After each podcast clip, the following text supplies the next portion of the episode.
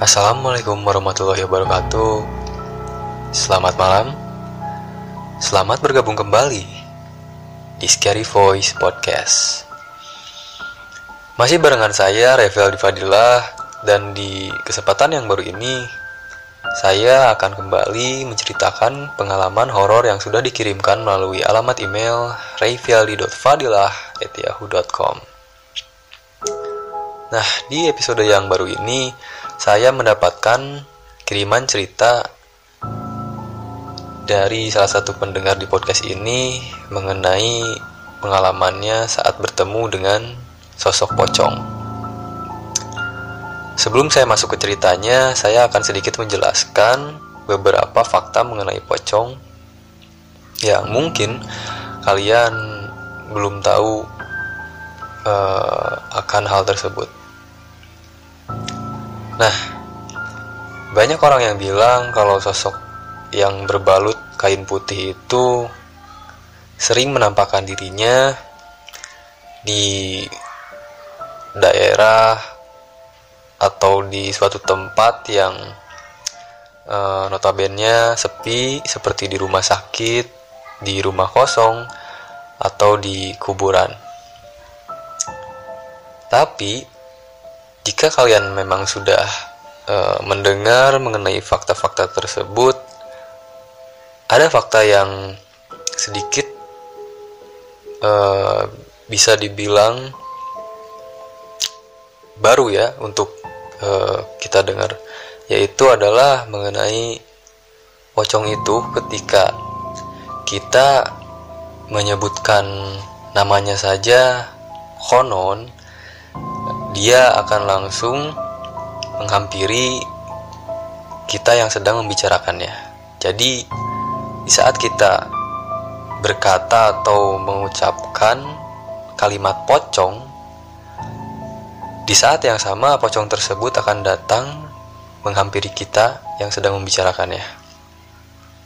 Nah, untuk itu, kalian yang sekarang sedang mendengarkan podcast ini berhubung saya tadi sudah menyebutkan kalimat pocong tadi dan mungkin di antara kalian ada yang mempercayainya ketika kita membicarakan sosok pocong tersebut maka di saat yang sama pocong tersebut telah ada di dekat kalian saat ini. Persiapan riset kalian untuk mendengarkan cerita ini dan Berikut adalah ceritanya.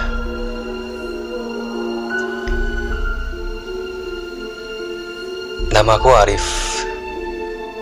Aku memiliki pengalaman yang cukup membuat aku trauma ketika aku harus pulang dari rumah teman di malam hari. Waktu itu aku pulang sekitar pukul 11 malam. Di sana aku baru selesai bermain ke rumah temanku yang tempatnya lumayan cukup jauh dari rumahku. Kira-kira aku harus menempuh satu jam perjalanan menuju rumah temanku itu. Dan jika ingin sampai ke rumah temanku itu, aku mau tidak mau harus melewati kuburan yang di mana di kuburan tersebut memiliki pohon yang sangat besar yang banyak dibicarakan warga sekitar sana pohon itu memiliki penunggunya. Lebih spesifikasinya, penunggu pohon tersebut adalah sosok pocong. Aku waktu itu terus terang tidak mempercayainya. Aku hanya menganggap bahwa cerita-cerita yang didengar oleh warga sekitar atau yang disampaikan oleh warga sekitar ke siapa pun itu adalah cerita bohong dan aku sangat skeptis dengan yang namanya makhluk astral. Nah, singkat cerita, ketika aku sudah melihat jam dan terlihat pada waktu itu jam menunjukkan pukul setengah sebelas malam dan aku harus segera pulang karena di rumah pun kebetulan aku sedang sendirian karena ayah dan ibu beserta dua adik-adik aku sedang mengunjungi rumah paman yang sedang sakit. Jadi, mau tidak mau, aku harus segera pulang dikarenakan khawatir jika rumah ditinggal tanpa penghuni akan ada uh, maling atau orang-orang yang akan berbuat jahat pada rumah kosong aku itu. Ketika saya sedang dalam perjalanan pulang, saya pun melewati kuburan yang memiliki pohon sangat besar itu. Suasana jalan pada saat itu sedang sepi dan kebetulan juga pada saat itu pun baru reda hujan jadi mungkin warga-warga setempat tidak banyak beraktivitas di luar rumah pada saat itu. Singkat cerita, sesampainya aku di rumah, aku merasa berat di bagian pundak. Aku berpikir bahwa pada saat itu mungkin karena aku kecapaian, karena aku kebetulan pada waktu itu pun juga selesai pulang kerja, aku langsung ke rumah temanku itu. Jadi mungkin punggungku merasa berat karena kecapean. Nah,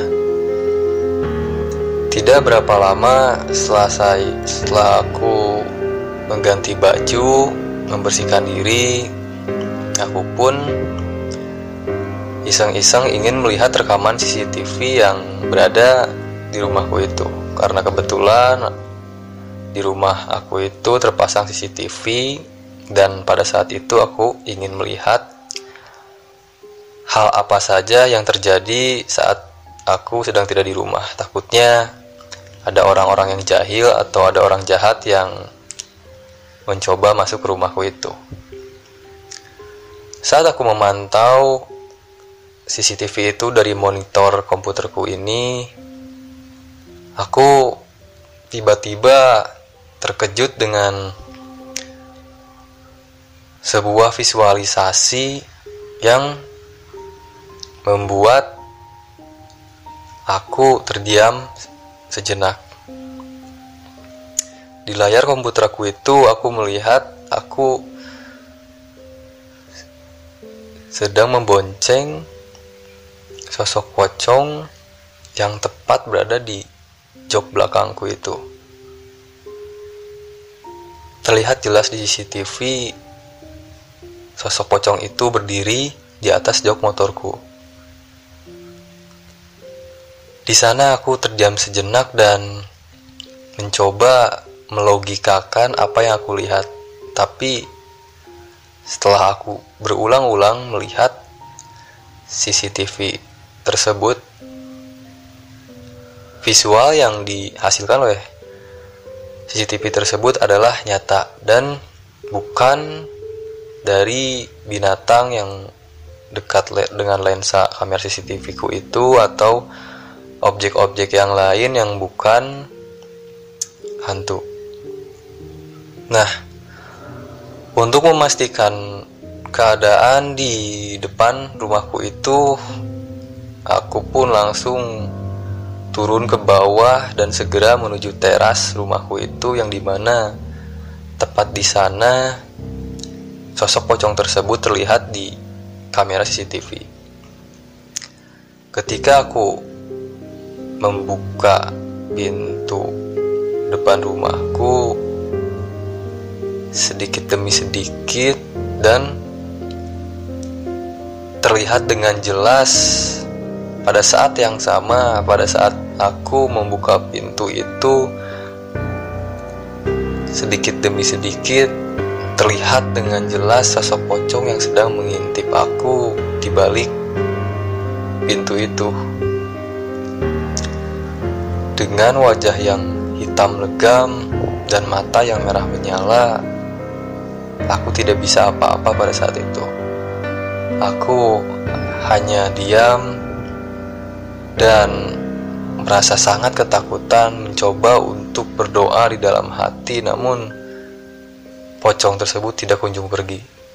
Dan sampai pada akhirnya aku pun tidak sadarkan diri.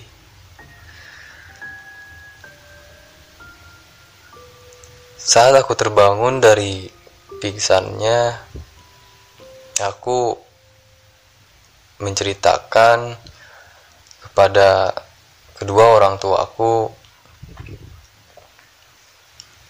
bahwa mengapa aku pingsan pada malam hari itu dan kebetulan juga orang tua aku menanyakan kenapa aku ditemukan tergeletak di depan pintu rumahku itu. Aku pun menjelaskan kepada kedua orang tuaku bahwa aku semalam melihat sesosok pocong dan itu berhasil diabadikan melalui kamera CCTV di rumahku itu. Dan ketika orang tuaku mengecek hasil rekaman CCTV semalam ternyata tidak ada sosok pocong tersebut. Padahal jelas-jelas aku semalam tadi melihat sosok tersebut sedang berdiri percis di belakang jok motorku itu yang sedang berada di teras rumahku. Melihat hal itu, kedua orang tuaku menyimpulkan bahwa aku hanya berhalusinasi atau karena aku kecapean. Jadi aku seolah-olah melihat sosok tersebut. Padahal aku bisa seribu kali meyakinkan bahwa aku benar-benar melihat sosok pocong tersebut. Dari sanalah aku percaya bahwa mungkin ketika ada cerita dari beberapa tempat yang konon katanya tempat tersebut memiliki Cerita tersendiri mengenai penunggu di tempat itu mungkin saja informasi tersebut adalah benar. Walaupun aku pada awalnya tidak mempercayai akan hal-hal mistis.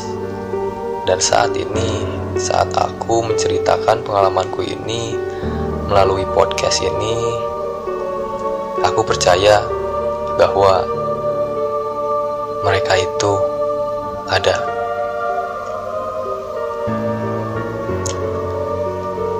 Oke, itulah cerita horor di malam ini yang dikirimkan oleh Arif. Terima kasih Arif untuk pengalamannya.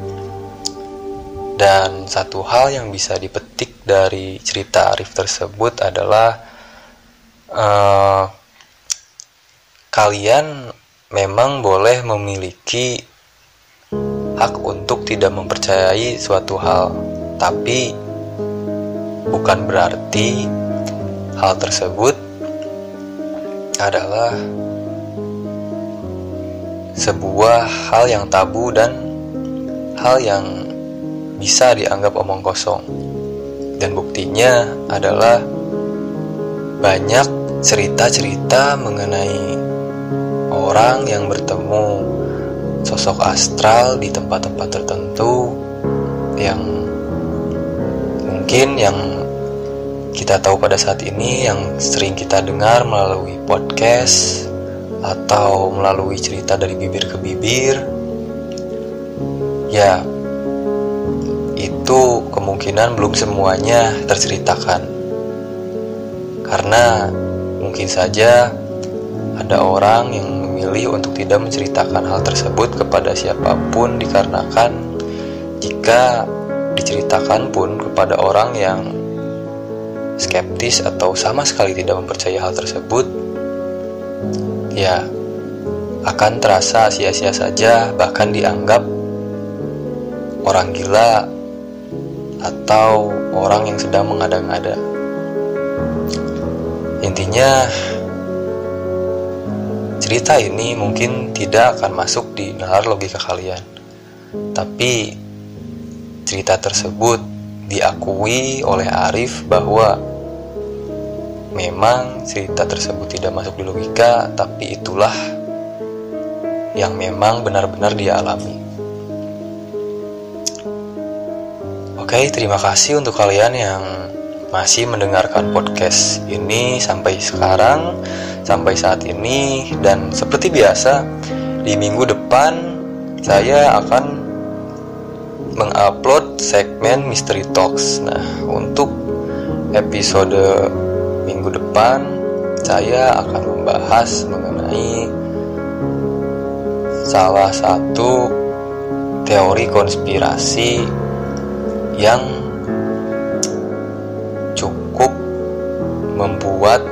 kita terkejut ketika kita mendengarnya karena teori konspirasi tersebut memang sudah banyak dibicarakan orang dan banyak juga orang yang mendengarnya merasa terkejut. Tapi saya akan membahas teori konspirasi tersebut dari sisi yang lainnya. Tidak akan membahas dari sudut uh, dari sudut pandang yang sama seperti kreator-kreator lainnya yang sudah membahas teori konspirasi tersebut. Oke, terima kasih untuk kesempatannya pada malam hari ini. Sampai ketemu lagi di kesempatan berikutnya. Saya Revel Divadila. Mohon undur diri dan selamat malam. Jangan lupa untuk berdoa di malam hari ini sebelum kalian tertidur. Karena bisa jadi ketika kalian lupa untuk berdoa dan memohon perlindungan kepada Tuhan, tidak menutup kemungkinan kalian akan ditemani oleh makhluk yang belum pernah kalian lihat sebelumnya. Wassalamualaikum